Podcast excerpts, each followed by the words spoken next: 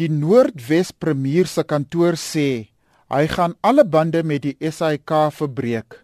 Dit volg nadat Mahumapelo in 'n Sondagkoerant van beweerde inmenging by die SAIK se provinsiale kantoor beskuldig is.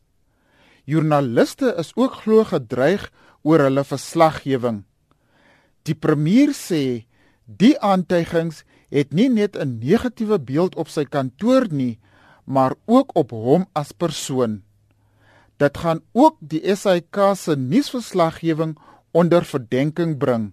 Aldus Mahumapelo What we want from the SABC to do is a very simple thing, which the SABC can do within a minute. It's two things. We want the SABC to tell South Africans whether it is true that I, as the premier of this province, I go into the studios of the SABC and direct that certain stories must be written in a way that they favor me. They must be written in a way that they project me positive. Maumapelo sê die SAK moet alles in sy vermoë doen om die bronne van die beweringe teen hom aan die kaak te stel. What was written in the city press by so-called well-placed sources within the SABC was not just uncalled for but it was unfortunate. Because if indeed it's true that I do that, it means I'm breaking the law. It means I'm undermining the authority of the SABC to report independently,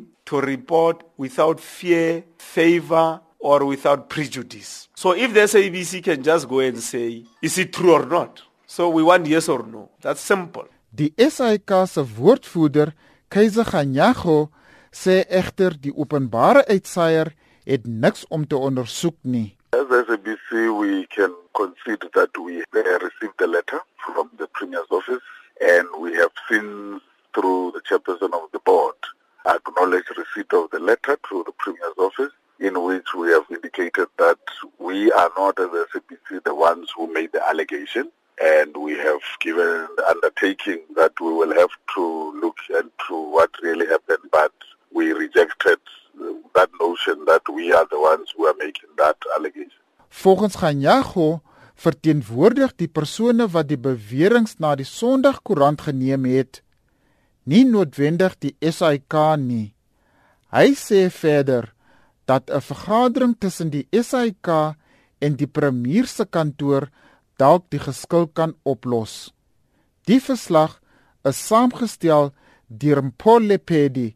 Ek is Malikole Gwatyu vir SAIK nuus.